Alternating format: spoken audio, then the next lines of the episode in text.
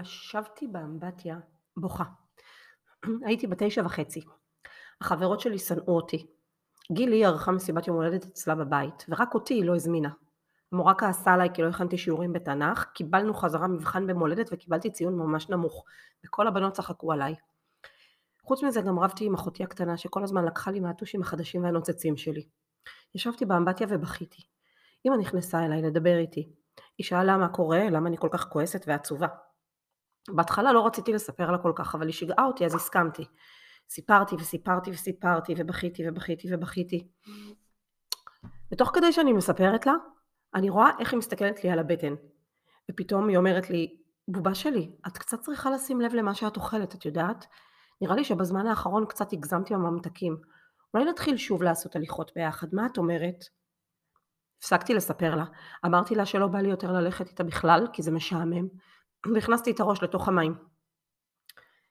זה משהו שסיפרה לי פעם אה, אישה שהגיעה אליי, הגיעה אליי לטיפול בגלל אה, מערכת היחסים המורכבת שלה עם אוכל, אה, זיכרון שלה מגיל תשע.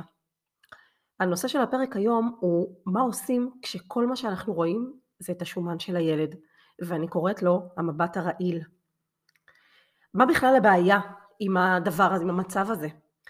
אמ, הדבר העיקרי שבעייתי הוא שהרי יש את החוק הלא כתוב הזה שמה שמתמקדים בו גדל. הנוכחות התמידית הזאת של ההשמנה של הילד, בין אם היא השמנה שכבר קיימת או השמנה שמתהווה, אה, ככל שזה נוכח יותר במודעות, בעצם ככה גם אה, משאיר את הלחץ סביב כל הנושא הזה, הלחץ והחרדה נשארים במרכז. בדיוק כמו בסיפור הזה שתיארתי, של בת התשע, ההתמקדות בהשמנה שלה יצרה בעצם מצב שבו האימא בכלל לא הייתה קשובה לילדה. אי אפשר באמת הרי להקשיב, אי אפשר גם לייצר אמפתיה כשמרוכזים במשהו אחר. בטח לא אם הדבר הזה הוא כל כך כל כך מדאיג. והרי לא תמיד צריך להגיד משהו, לפעמים המבט עצמו הוא מבט משמעותי.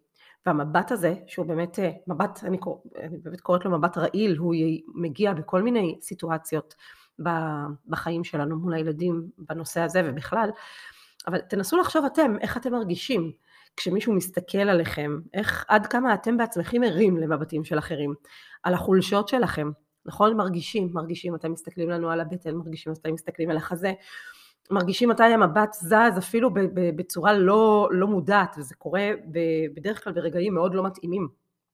באמצע שמדברים עם מישהו או משהו כזה, מרגישים איך המבט זז לכיוון פצעון שצמח בקצה הסנטר, בעיקר אם זה משהו שמאוד מביך אותי, ופתאום כל המודעות הולכת לשם. אז כשאנחנו מסתכלים לילד אה, על הבטן, כשאנחנו מסתכלים לו על הסנטר, כשאנחנו מסתכלים לו על הלחיים, יש בזה משהו שמגדיל ושומר את ההשמנה שלו בתודעה, וגם את הלחץ מההשמנה שלו בתודעה. אני הרי באה מעולם הפסיכודרמה. בעולם הפסיכודרמה הכוח הספונטניות הוא בעצם כוח החיים והמטרה היא לייצר עד כמה שיותר אה, חיים שהם מלאים בספונטניות ויצירתיות.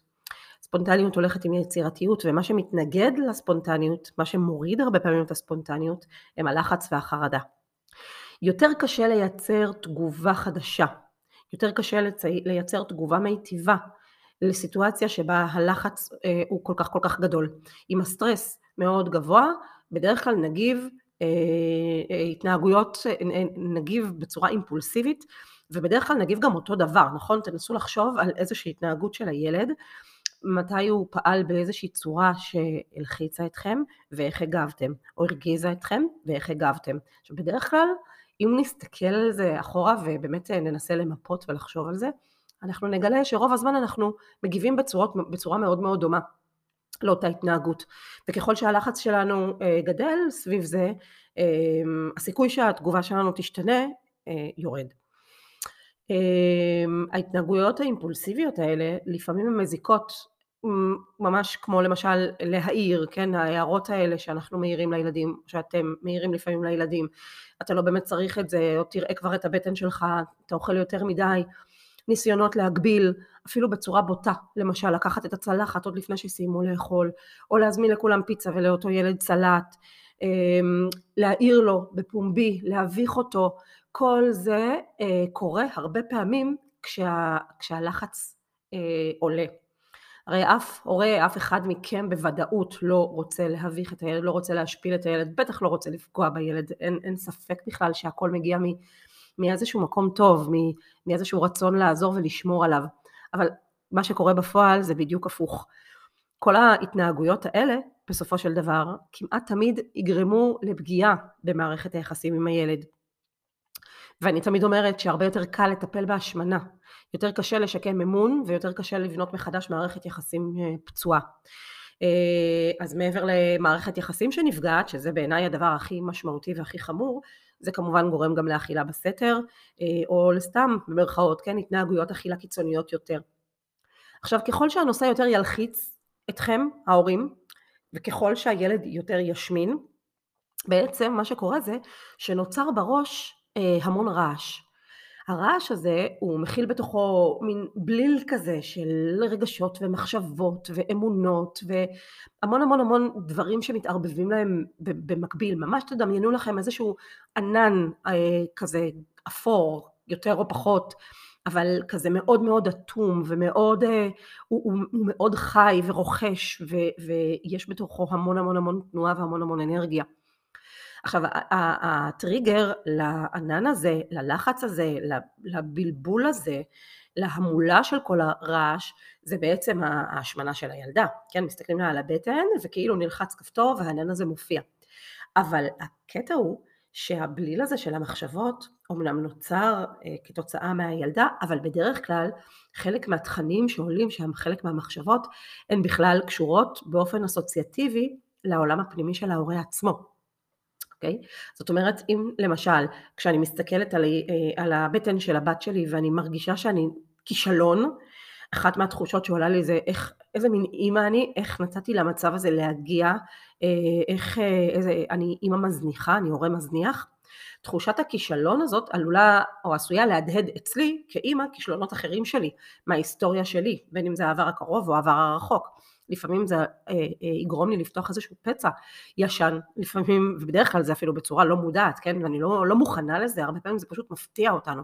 זאת אומרת, יש מין, אה, כמו מין אפקט דומינו כזה של מחשבה שמביאה מחשבה, רגש שמביא רגש, ובדרך כלל זה משהו שהולך ומתעצם והולך וגדל, ו... זה, זה, אלה התכנים שנכנסים לאותו ענן, אלה אותם תכנים, מחשבות, רגשות שנמצאים בתוך, ה, בתוך הרעש הזה. שנמצא בראש של ההורה. הפעולה האינטואיטיבית והטבעית ביותר תהיה לפנות את הענן הזה, לחזור לאיזשהו שקט, לברוח מהרעש הזה, להתרחק ממנו. זה מן הסתם מאוד מאוד נורמלי וזה גם הגיוני ומובן, זה משהו שהוא הרבה פעמים הישרדותי, כי אני לא יכולה לתפקד, אני לא יכולה באמת לפעול עם הענן הזה אה, שמלווה אותי. איך אני אגיע לשקט הזה, איך אני אה, אתרחק מהענן הזה, אז לפעמים זה ההתעסקות באוכל, כן, אם אני מתעסקת במה שהילד שלי אוכל, אז זה כאילו נותן לי איזושהי תחושה שהנה אני נותנת פה איזשהו מין מענה, וזה מרחיק את, ה, מרחיק את הענן, או אה, שזה נותן לי איזושהי תחושת שליטה כזאת, אה, בין אם אמיתית או, או מזויפת, כן? אה, ברגע שאני מתעסקת נגיד באוכל של הילד, או שאני מגבילה אותו, או שאני אפילו דרך אגב נותנת לו המון, כן? כי אני פה נותנת איזשהו מענה לא מודע לאיזושהי מחשבה לא מודעת שעלתה לי, אה, או שאני מתעסקת בהתנהגות האכילה שלי עצמי, כן, גם ההתנהגות, התנהגויות האכילה שלנו כהורים, בין אם זה אכילה רגשית או האכלה רגשית, אני קוראת לזה, אה, זה גם איזשהו מענה אינטואיטיבי ולפעמים באמת לא מודע ל, ל, לרעש הזה, זה חלק ממה שעוזר לנו להתרחק ממנו ולחזור לאיזשהו שקט. לפעמים מה שיעזור זה התעסקות בנראות של הילד, כן, אם אני אתייחס באמת להשמנה שלו, אה, זה מאוד, גם מאוד יעזור להרחיק את הענן ולייצר את השקט הזה. ולפעמים הבריחה הזאת אה, מהרעש הזה אה, תתבטא בהתנהגויות אחרות שבכלל לא קשורות ישירות לילד או ישירות לאכילה, כן, כל אחד מאיתנו, בטח ככל שהשנים עוברות כבני אדם מבוגרים, אנחנו כבר מפתחים לעצמנו כל מיני סוגים של בריחות, איך אנחנו מתרחקים מכל מיני סיטואציות שהן קשות לנו או לא נעימות לנו. עכשיו הקטע הוא שככל, הקטע הוא שהעוצמה של ההתעסקות היא בדרך כלל בקורלציה לעוצמה של הרגשות. זאת אומרת, ככל שהכאב יהיה יותר גדול, ככה גם הרעש יהיה יותר גדול, ואז גם ההתעסקות והתגובות להתנהגות של הילד אה, תהיה יותר גדולה, או הדחייה מהילד, אוקיי? אמ, אני מזכירה שלעיתים קרובות העוצמה אה, של הרעש והכאב היא גדלה מסיבות שכבר בכלל בכלל לא קשורות לילד עצמו, אוקיי? אם התעוררה בי, אה, אם התעורר בי איזשהו זיכרון ילדות כואב, זה כבר שלי, זה כבר לא של הילד, אבל אני לא יודע לעשות את ההפרדה הזאת כי הכאב והרעש יהיו כל כך גדולים, כך שהעוצמה של התגובה שלי תצטרך להיות גדולה גם היא. ומה שקורה זה שהרבה פעמים התגובה שלנו היא באמת כל כך עוצמתית שהילד, והיא כן בדרך כלל תופנה לילד, והוא בכלל לא יבין מאיפה כל הדבר הזה נפל עליו. עכשיו, אמא, הרבה אמהות אמרו לי גם את המשפט הבא, תראי ורד, אני יודעת את זה. לא משנה כמה אני יודעת שאני מזיקה, אני לא מצליחה להתאפק. בכל פעם שהיא לידי, אני רואה רק את השומן שלה, את הבטן שלה, את הלחיים. כל ארוחה, אני לא מצליחה שלא לראות את הכמויות שהיא לוקחת. את יודעת מה? אני כבר מעדיפה ללכת ולאכול בנפרד, כי אני יודעת שאם אני אשאר זה יוביל למאבק. אנחנו יודעים את זה, כמה פעמים אנחנו כהורים יודעים שמה שאנחנו עושים הוא מזיק, הוא לא נכון, ועדיין אנחנו ממשיכים עם זה. אז תכף אני אתן כמה רעיונות למה אפשר לעשות בנושא, אבל אני רוצה קודם להגיד משהו אחד, והוא בנושא של פוליטיקלי קורקט. אה, כי תכף אני אגיד כמה דברים גם שהם אולי קצת יותר קשים ואולי חלקכם תמצאו את עצמכם אה, מזדהים עם חלק מהמשפטים וחשוב לי להגיד את זה כבר שמותר להרגיש הכל ובטיפול אין, אין מקום לפוליטיקלי קורקט, אין, אין, אין מקום לדחייה מהרגשות האלה או להתעלמות מהרגשות האלה, מותר להגיד הכל, להפך אני אפילו אה, מעודדת להגיד הכל, אפילו את הדברים הכי הכי קשים ותכף אני גם ארחיב למה. אז מה אפשר לעשות בעצם? אם אני יודעת שאני מזיקה, אם כל מה שאני רואה זה רק את השומן של, ה, של הילד שלי ואני יודעת שזה רק אה, בסופו של דבר שומר עליי בתוך איזשהו מין לופ כזה שמזיק. אז בעצם הדבר הראשון שלדעתי צריך לעשות זה להכיר בזה, אוקיי? Okay? זה להבין שזה מה שקורה. לא להתעלם מזה, לא לטאטא את זה מתחת לשטיח, אה, אפילו אם אה, מתביישים בתחושה הזאת שעולה, עדיין חשוב מאוד אה, להבין שזה מה שקורה. זה הצעד הראשון. השלב השני זה להעלות את המודעות של עצמכם. זאת אומרת כל פעם שזה קורה, באופן אה, יזום פשוט להזיז את המבט. תסתכלו לילדים בעיניים, לא סתם אני קוראת לכל התהליך שלי מסתכלים לילדים בעיניים במקום על הבטן. יש לזה משמעות מאוד מאוד גדולה כשאנחנו כן מצליחים להסתכל לילד בעיניים. זה גם מוריד את, ה, מוריד את הסטרס וזה גם עוזר לנו להיות יותר מחוברים אליו ולייצר יותר אמפתיה אליו שזה באמת מאוד משמעותי. אז תשימו לב לזה ופשוט אם אתם מרגישים שהמבט הולך לכיוון הבטן, תעלו אותו בחזרה לעיניים, תתרגלו.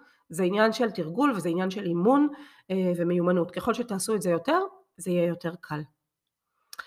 השלב השלישי, הדבר השלישי שאפשר לעשות, אה, זה להתכונן לזה. כי הרי זה לא חדש, תראו, חלק גדול מההתנהגויות שלנו הן התנהגויות שחוזרות על עצמן. הרי אנחנו אוכלים ביחד כל יום ולפעמים כמה פעמים ביום, זה לא שפעם במיליון שנה מפתיעה אותנו איזושהי התנהגות כזאת של הילד, נכון? בין אם זה באוכל ובין אם זה בכלל, הרי בכל פעם שנכנסים למקלחת הם זורקים את המגבת על הרצפה, זה לא משהו שאמור להפתיע אותי. אז אני צריכה לדעת להתכונן לזה. להתכונן לזה שבארוחה הזאת שהכנתי בפסטה יש סיכוי סביר שהוא ירצה את המנה השלישית של הפסטה. שאם הזמנו פיצה, אני יודעת שהוא יבקש משולש רביעי או חמישי, אני יודעת שזה יקרה. אני לא אה, אתן לזה להפתיע אותי, אוקיי? אז אם זה, אם זה קורה, ואפילו אם אני באיזשהו תהליך של שינוי, אבל לא משנה, אני מעדיפה להיות מופתעת לטובה. כרגע אני יוצאת מנקודת הנחה שזה מה שיקרה.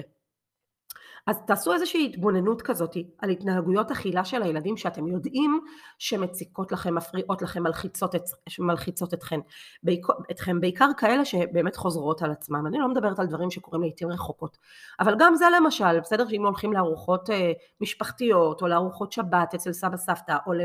אה, שהולכים לחדר אוכל או לבתי קפה, אם יש שם משהו בהתנהגות שהוא מלחיץ במיוחד, אז פשוט תיערכו לזה. בסדר? תערכו לזה, זה כאילו אני קוראת לזה סיטואציות מועדות לפורענות. קודם כל ברגע שזה לא מפתיע, לא יפתיע אתכם, כבר אה, חלק מהסטרס ירד. חלק מהסטרס ירד, יש יותר סיכוי שתצליחו למצוא תגובה אחרת או אפילו להתעלם, בסדר? אמ, תוכלו להכין בראש איזושהי התנהגות חליפית לדבר הזה, זאת אומרת אם תדעו שהילד אה, עומד לבקש משולש פיצה, אה, משולש הפיצה הרביעי או החמישי, תכינו התנהגות אחרת. ההתנהגות האחרת יכולה להיות להגיד לו, קח מותק שלי בבקשה בתיאבון, משהו בסגנון הזה אפילו, כן? אם עד עכשיו הייתם באיזשהו סטרס סביב, סביב ההתנהגות הזאת וניסיתם למנוע ממנו, אם הפעם פשוט תיתנו לו את המשולש הזה, זאת כבר התנהגות אחרת. אה, את, אם, אם ארוחה היא למשל הופכת להיות כזה כמו מין שדה קרב כזה שכל הזמן יש בו הערות ו, והאווירה מאוד מאוד מאוד ביקורתית ושיפוטית ולא נעימה, אז אפשר להתכונן לארוחה הזאת ולנסות לחשוב איך אפשר לדאוג לזה שהאווירה שם תהיה אחרת, שלכם יהיה יותר נעים, לכם יהיה יותר נחמד, אתם פחות תסתכלו לו בצלחת, ואז כתוצאה מזה לכולם יהיה יותר טוב, כי האווירה בארוחה תשתפר. אז אולי תכינו סיפורים או בדיחות כדי לספר שם, או אפילו איזשהו משחק שאפשר לשחק אותו במרכז השולחן במקביל לאכילה. כל דבר שיגרום לאיזושהי אווירה נעימה, זה גם כן איזשהו שינוי. בסדר? אז השלב הראשון זה להכיר בזה. שתיים זה להעלות בצורה מודעת את המבט לכיוון העיניים. ושלוש זה להתכונן לסיטואציות האלה שהן מועדות לפורענות ולנסות לחשוב על איזושהי תגובה חדשה. השלב הרביעי הוא כבר יותר עמוק ומורכב. כי פה מאוד חשוב להבין למה זה קורה בכלל. למה כל כך קשה לי עם ההשמנה של הילדים שלי. וזאת שאלה שמאוד מאוד כדאי שתשאלו את עצמכם אם אתם רוצים להצליח לפתור את הדבר הזה לעומק ולא להשאיר את זה באיזשהו רובד אה, יותר שטחי והתנהגותי. זה בסדר דרך אגב, אפשר לבחור שמחליטים את זה ברובד הפשוט יותר ואני אני קוראת לזה שטחי יותר, אבל לא תמיד חייבים לצלול מאוד מאוד עמוק, כן? אני סומכת על האינטואיציה של כל אחד ואחת מכן. אבל אם אתם כן רוצים לחשוב על זה, תנסו לחשוב בצורה באמת הכי כנה ביניכם לבין עצמכם, ושוב, בלי פוליטיקלי קורקט, כי זה לא מעניין, זה לא מקדם. למה ההשמנה של הילד מפריעה לכם? למה הבטן של הילדה שלכם כל כך אה, קשה לכם? למה כל כך קשה לכם לראות את הבטן שלה? ובין התשובות שכבר קיבלתי היה שזה פשוט מפחיד אותי. כי אם אני רואה את הבטן שלה אני יודעת שהיא הולכת לסבול, אני יודעת שהיא הולכת לסבול חברתית, אני יודעת שהיא הולכת לסבול מסיבוכים רפואיים, אני, אולי לפעמים אני רואה את עצמי בתור ילדה, ואני זוכרת את החוויות הקשות שלי בתור ילדה, כמה אני סבלתי ואני מתה מפחד שהילדה שלי תסבול כמוני. אולי להפך, אולי אני רואה את השונות שלה, כולם רזים ורק היא שמנה, כאילו מה נסגר פה? אולי אני רואה את הטעויות שלי. ברגע שאני מסתכלת על הבטן של הילדה שלי, אני רואה כמה אני כאימא טעיתי, איך נכשלתי. מה שאני רואה בעצם זה לא בטן, אני רואה כישלון, אני רואה את הכישלון ההורי שלי, את האכזבה שלי מעצמי. אולי אני רואה את הקושי של הילדה, ברגע שאני רואה את הבטן שלה בעצם, אני רואה עד כמה קשה לה, אני רואה אולי את המרד שלה, ועם המרד שלה נורא נורא קשה לי, אולי אני רואה כמה היא שמה עליי פס, אולי אני רואה את מערכת היחסים שלנו, שהיא כל כך כל כך גרועה. מה עולה לי שם? ואולי הילדה בעיניי הורסת את התדמית המשפחתית המושלמת שלנו. כי כן, חשוב לי להיראות טוב. לי מאוד מאוד חשוב להיראות טוב, אני מאוד מאוד מטופחת, ואיך אני מסתובבת בעולם עם ילדה כזאת. באמת. פעם הייתה איזה אימא שתיארה את זה, כאילו שיש להם מכונית משפחתית מהממת חדשה, מבריקה, ויש עליה שריטה מאוד מאוד עמוקה ובולטת. הכי לא פוליטיקלי קורקט שבעולם, אבל זה מה שאותה אימא הרגישה. אוקיי, okay, אז יש להסתובב עם ילד אה, שמן בעולם שלנו, ואני בכוונה אומרת את זה ככה, יש לזה מחיר, יש לזה השלכות, כי הרי החברה שלנו, השמנופובית, מאוד, אה, מאוד אה, ביקורתית. אם אני אימא מאוד רזה ומטופחת ואני מסתובבת עם ילדה שמנה, אז אוטומטית יגידו, יחשבו, חלק גדול מהאנשים זה כאילו, טוב יופי, בעצמה היא משקיעה ואת הילדה שלה היא מזניחה. נכון? ואם אני בעצמי שמנה ואני מסתובבת עם ילדה שמנה, אז אני אימא מזניחה, אני מזניחה גם אותי, את עצמי וגם אותה כמובן, נכון? כאילו זה איזשהו לוז לוז כזה. אי אפשר לצאת מזה בסדר, בטוח אני כישלון כאימא או כהורה, אבל בטח בעיקר כאימא. מה אני רואה בעצם כשאני רואה את הבטן שלה, מה עולה שם. כן, מאוד מאוד חשוב, אפילו קחו לכם כמה דקות ותנסו לחשוב על הדבר הזה. והכי בכנות והכי באינטואיטיבית תנסו לזרוק על הדף מחשבות שעולות לכם סביב הדבר הזה. מה קשה לכם? למה זה קשה כל כך? למה זה כל כך מפריע לכם? הדבר הבא זה שאני חשוב לי להגיד לכם בהקשר הזה, זה שחשוב לא להישאר לבד עם הרגשות והתחושות האלה, בסדר? לפעמים זה באמת קשה מלהכיל, לפעמים זה מציף המון המון המון תחושות של, תחושה מאוד גדולה של אשמה, או כעס, או תסכול וחוסר אונים, ואלה לא, לא, לא תחושות שפשוטות, שפשוט להישאר איתן לבד. Okay?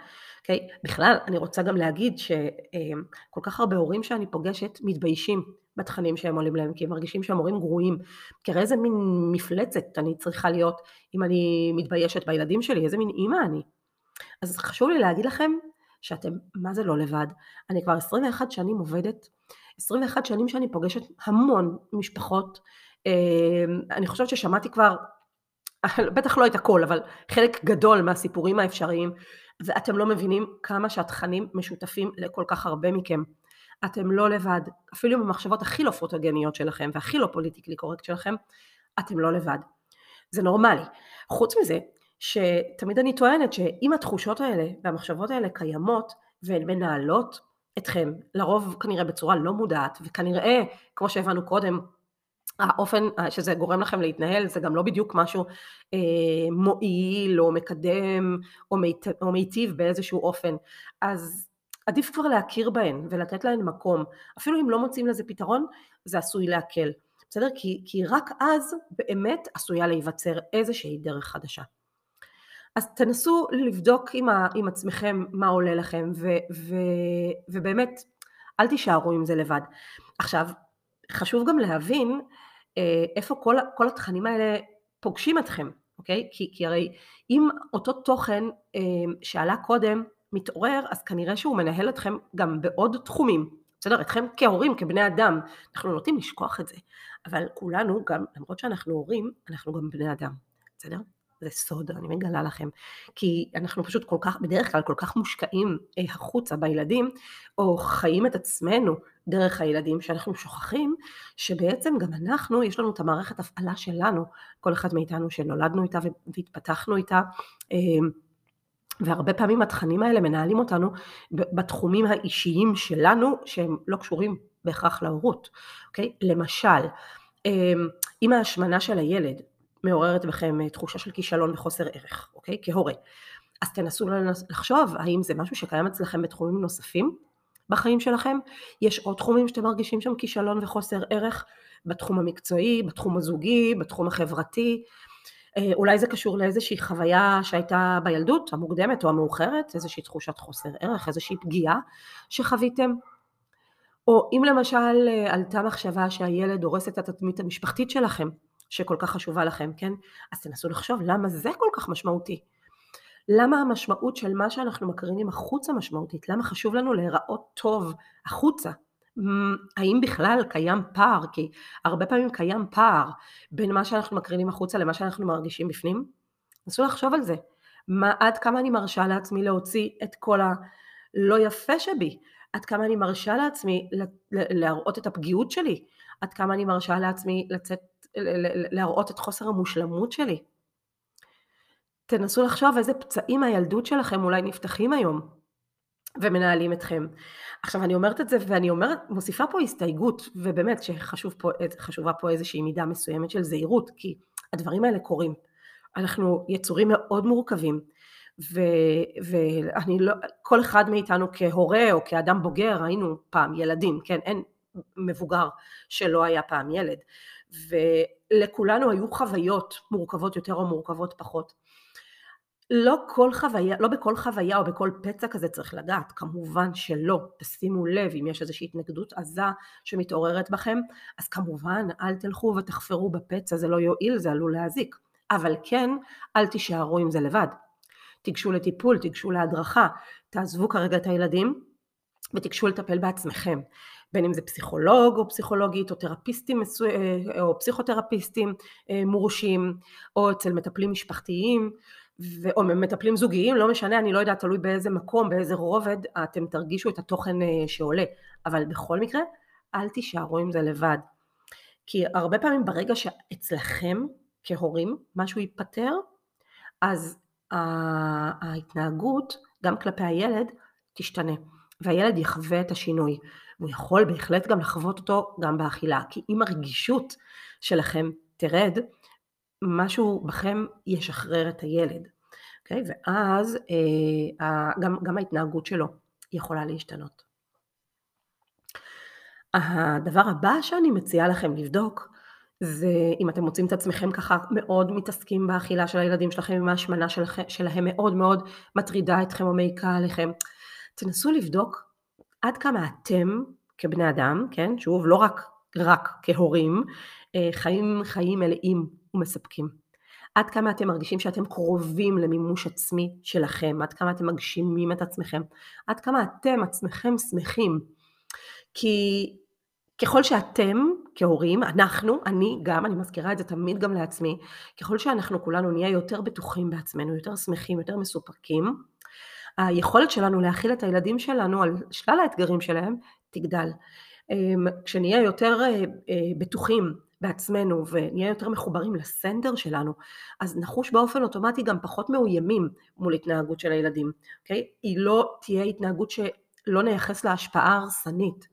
ונוכל להגיב בצורה הרבה יותר אמ, מכילה, מיטיבה, אמפתית, ולא נגיב מתוך מקום של הגנה, לא נגיב מתוך מקום אה, של הישרדות, אוקיי? כאילו במילים אחרות ילחצו פחות כפתורים.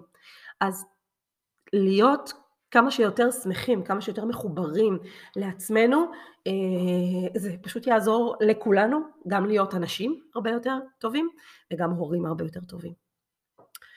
חוץ מזה, אני חושבת שגם מאוד עוזר לקבל כלים להתמודדות עם ההשמנה והאכילה של הילדים שלכם, בכל מה שמפריע לכם. אם מפריע לכם משהו, בעיניי, קשו לקבל אה, עזרה. תמיד שואלים אותי באיזה גיל, מאיזה גיל של הילדים כדאי לפנות אה, לייעוץ או לקבל עזרה, ואני תמיד אומרת שמהרגע שמשהו מטריד אתכם, זה זמן ללכת לייעוץ. זה לא חייב להיות תהליך ארוך, דרך אגב. אגב, גם ככל שמתחילים יותר מוקדם, כשהצורך הוא יותר קטן, הסיכוי ש, אה, שתפתרו את הבעיה או תקבלו מענה בתהליך קצר יותר או בפגישה אחת אפילו, הוא גדל. אז אתם הולכים בלי הילדים, בעיקר בשלב ראשון, אפילו אם מדובר במתבגרים צעירים בעיניי, תיגשו לייעוץ אה, אצל דיאטנית אה, שמתמחה בנושא ותקבלו תקבלו כלים. לפעמים גם תקבלו חיזוק לדרך שלכם, בסדר? זה גם קורה, וקרה לי כבר לא מעט, שהגיעו אליי הורים ש, שפועלים נכון, וגם רואים איזה שהם שינויים, אבל השינויים הם נורא נורא קטנים ומינוריים, ובעצם מה שהם צריכים פשוט זה להתמיד. כי אם הם יתמידו באותה דרך, בעוד כמה שנים הם יראו את התוצאות. אז לפעמים אה, גם החיזוק הזה הוא חיזוק מספיק חשוב ומשמעותי, והוא מאוד מאוד מרגיע. ולפעמים באמת אפשר לשנות, ויש הרבה דברים שאתם כהורים יכולים לעשות כדי להשפיע על האכילה של הילדים שלכם. בין אם זה במישור ההתנהגותי של מה שמגישים בבית ואיך אתם מתנהלים עם האוכל, ובין אם זה במישור היותר אה, רגשי, בין אם זה גם אה, באיך אתם מדברים עם הילדים על כל הנושא הזה, או גם מקבלים כלים לאיך להתמודד עם כל מיני משברים בנושא, בסדר? כמו למשל אה, עלבונות או כל מיני אה, נושאים ותכנים שקשורים לדימוי הגוף שלו. ככל שיהיו לכם יותר כלים להתמודדות, חוסר האונים יקטן, ואתם גם תדעו אה, להגיב. ככל שתהיו יותר שקועים בשפה הנכונה והמקדמת והמיטיבה, וככל שיותר תתרגלו וככל שיותר תחיו את העולם הזה, יהיה לכם יותר קל לשלוף את התגובה המתאימה ברגע הנכון. לא, לא שאני אומרת שזה קל, בדרך כלל זה לא קל וגם כמעט תמיד יהיו הפתעות, אבל, אמ, אבל זה יהיה יותר קל כי זה יהיה יותר טבעי, אתם תהיו יותר מנוסים, ומעבר לזה, משהו בלחץ הבסיסי יירגע, כי אתם תחושו יותר שליטה, אוקיי? תחושת שליטה היא, היא, היא לפעמים מאוד מאוד תורמת להפחתת הלחץ. ואני רוצה לסיום להזכיר שאין מושלם, בסדר? כי אני פוגשת הורים ו- ואני חושבת שאחרי 21 שנים בתחום יש לי את היכולת הקסומה בעיניי לראות תהליכים גם בפרספקטיבה מאוד מאוד רחבה. ואני רואה איך דברים משפיעים ואיך התנהגויות משפיעות בין אם פועלים בצורה אחת או בצורה אחרת. וגם הורים שעשו תהליכים מאוד מאוד מדהימים, הרבה פעמים חשים איזשהו תסכול שעדיין הם מהירים, שעדיין יש ביקורת ועדיין לפעמים מגיבים בצורה אימפולסיבית ולפעמים אפילו מעליבים למרות כל הדרך שעשו. אז אני רוצה להגיד שבאמת אני, אני לא בעד לחפש את המושלם, אני לא חותרת למושלמות בשום תחום, אני לא חושבת שאנחנו צריכים להיות שם. אני חושבת שאנחנו צריכים כן להיות עם יד על הדופק, כן מודעים, כן לעבוד על זה, לעבוד על המודעות וכן אה, אה, להיות באיזשהו תהליך של שיפור מתמיד והקשבה ובסופו של דבר זה, זה עניין של מאזן. והילדים שלנו, זה, כמו בתהליך מקביל שהגוף שלנו, סליחה, כמו בתהליך מקביל שבו הגוף שלנו יודע להתמודד עם ג'אנק, עם אוכל לא בריא ולא מזין, אה, ככה בעצם גם, ה, גם הילד ידע לווסת או, או להתנהל אחרת אה, עם התגובות הלא מיטיבות כשהן תהיינה במינון, במינון נכון, זאת אומרת אם הרוב יהיה, אם הרוב יהיה בריא, אם הרוב יהיה מיטיב, אם הרוב יהיה טוב, ככה הילדים ידעו גם לאזן ולקבל, אפילו אם הם ייפגעו זה לא יהיה פגיעה מאוד מאוד, מאוד קשה. אמ, אז אני הייתי ורד יפה חייק, אני אימא לארבעה ילדים ומתבגרים ואני חיה וחווה איתם בדיוק כמוכם את אתגרי עידן השפע. מכל הבחינות וגם בנושא האוכל, האכילה, המשקל. אני דיאטנית קלינית ואני פסיכודרמטיסטית. וכמו שאמרתי כבר מעל 20 שנה אני עובדת עם הורים ומתבגרים אה, ומטפלת בהשמנת ילדים. למדתי שזה תחום מאוד מאוד נרחב ומורכב הרבה מעבר למה שצריך לאכול וגם למדתי שמעורבים בו כמעט תמיד המון רגשות, כמו אשמה, בושה, תחושת כישלון. התחום הזה מורכב כל כך בעיקר לאור העובדה שאתם, ההורים, באים לטפל במישהו שהוא לא אתם עצמכם. אתם באים לטפל בילד שלכם, שהוא גורם שלישי. הוא ישות נפרדת מכם, שונה מכם, עם אופי, עם צרכים, עם רצונות ועם יכולות אחרים משלכם. אני מרצה להורים, לצוותים חינוכיים, לרופאים. אני עובדת אצלי בקליניקה בגדרה או בזום אה, וגם במרפאה בשמיר אסף הרופא ויש גם כל מיני תוכניות אונליין שאפשר אה, לעשות. אפשר למצוא אותי בפייסבוק, גם בדף עסקי וגם בקבוצה שלי, אה, שנקראים מסתכלים לילדים בעיניים במקום על הבטן. שם אפשר, בקבוצה אפשר גם להתייעץ, לשאול אותי שאלות, אפשר למצוא אותי גם באינסטגרם וגם באתר, כל הפרטים מופיעים למטה בפודקאסט. והמטרה שלי בעצם בפודקאסט, בפודקאסט הזה היא לצלול לעומקן של מגוון תופעות שקשורות לעודף משקל בילדים ולתת לכם ההורים והמטפלים הבנה נרחבת יותר של התופעה וגם כלים לטיפול. אני מזמינה אתכם לכתוב לי אה, אם יש נושאים מסוימים שהייתם רוצים אה, לשמוע, שהייתם רוצים שאני אדבר על זה, אני מאוד מאוד אשמח לשמוע מכם. תודה שהייתם איתי.